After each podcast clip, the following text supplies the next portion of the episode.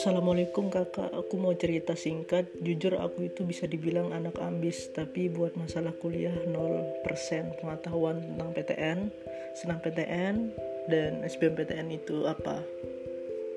Dari awal masuk SMA aku itu belum mikirin seputar kuliah Termasuk mau jurusan apa nanti. Miris ya. But setelah aku kelas 11 semester 4 akhir sekitar bulan 10 aku gubak dan aku langsung cari tahu tentang PTN. Dari situlah mulai ikhtiarku untuk memilih jurusan yang tepat. Ternyata masuk senam PTN itu juga punya strategi dan nilai itu nomor dua. Menurutku setelah kalian udah punya cadangan nilai, lanjut buat mempelajari soal jurusan. Dengan nilaiku yang naik turun, aku nyesuaiin dengan nilaiku dan prospek kerja.